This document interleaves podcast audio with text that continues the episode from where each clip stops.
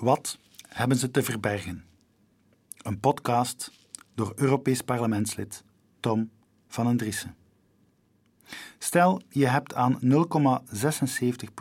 geleend om een woning te kopen.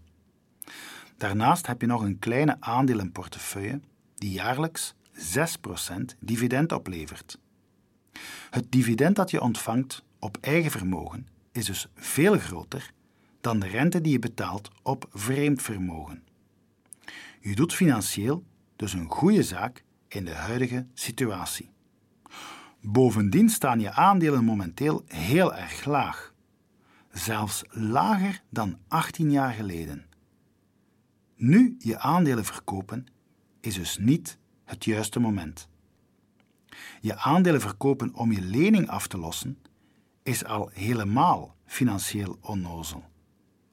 Want je verliest meer inkomsten door de 6% dividend dan je uitgaven bespaart, want je betaalt maar 0,76 rente.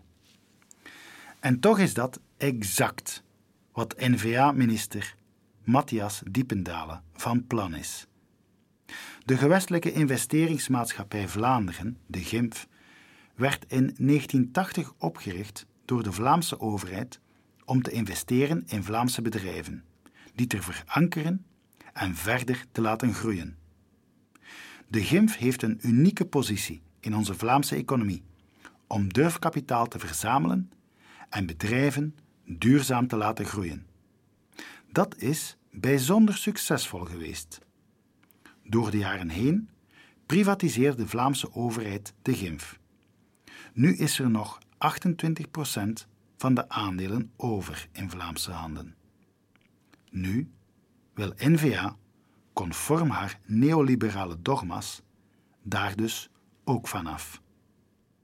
En die aandelen wil Diependalen dus verkopen op een moment dat de aandelenkoers laag staat, de rente veel kleiner is dan het jaarlijks dividend en men ons belang eigenlijk aangelijk wie wil verkopen.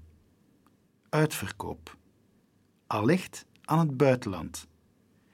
Terwijl we er financieel een slechte zaak mee doen en controle verliezen over een durfkapitaalfonds dat onze bedrijven nodig hebben. Welke goede huisvader doet dat eigenlijk? Waarom wil Diependalen dat per se nog voor de verkiezingen vlug verkopen? Wat zit daar in werkelijkheid achter? Vlaanderen ontvangt nu 20 miljoen euro dividend per jaar uit de GIMF. Door een verkoop zouden we ruwweg 3 miljoen euro minder rente op de Vlaamse staatsschuld betalen. Een netto verlies van 17 miljoen euro per jaar.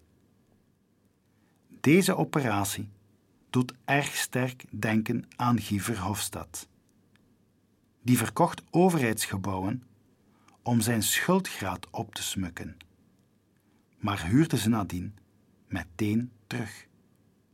We betalen er nog altijd de factuur van. De uitverkoop van Gimf moet gestopt worden.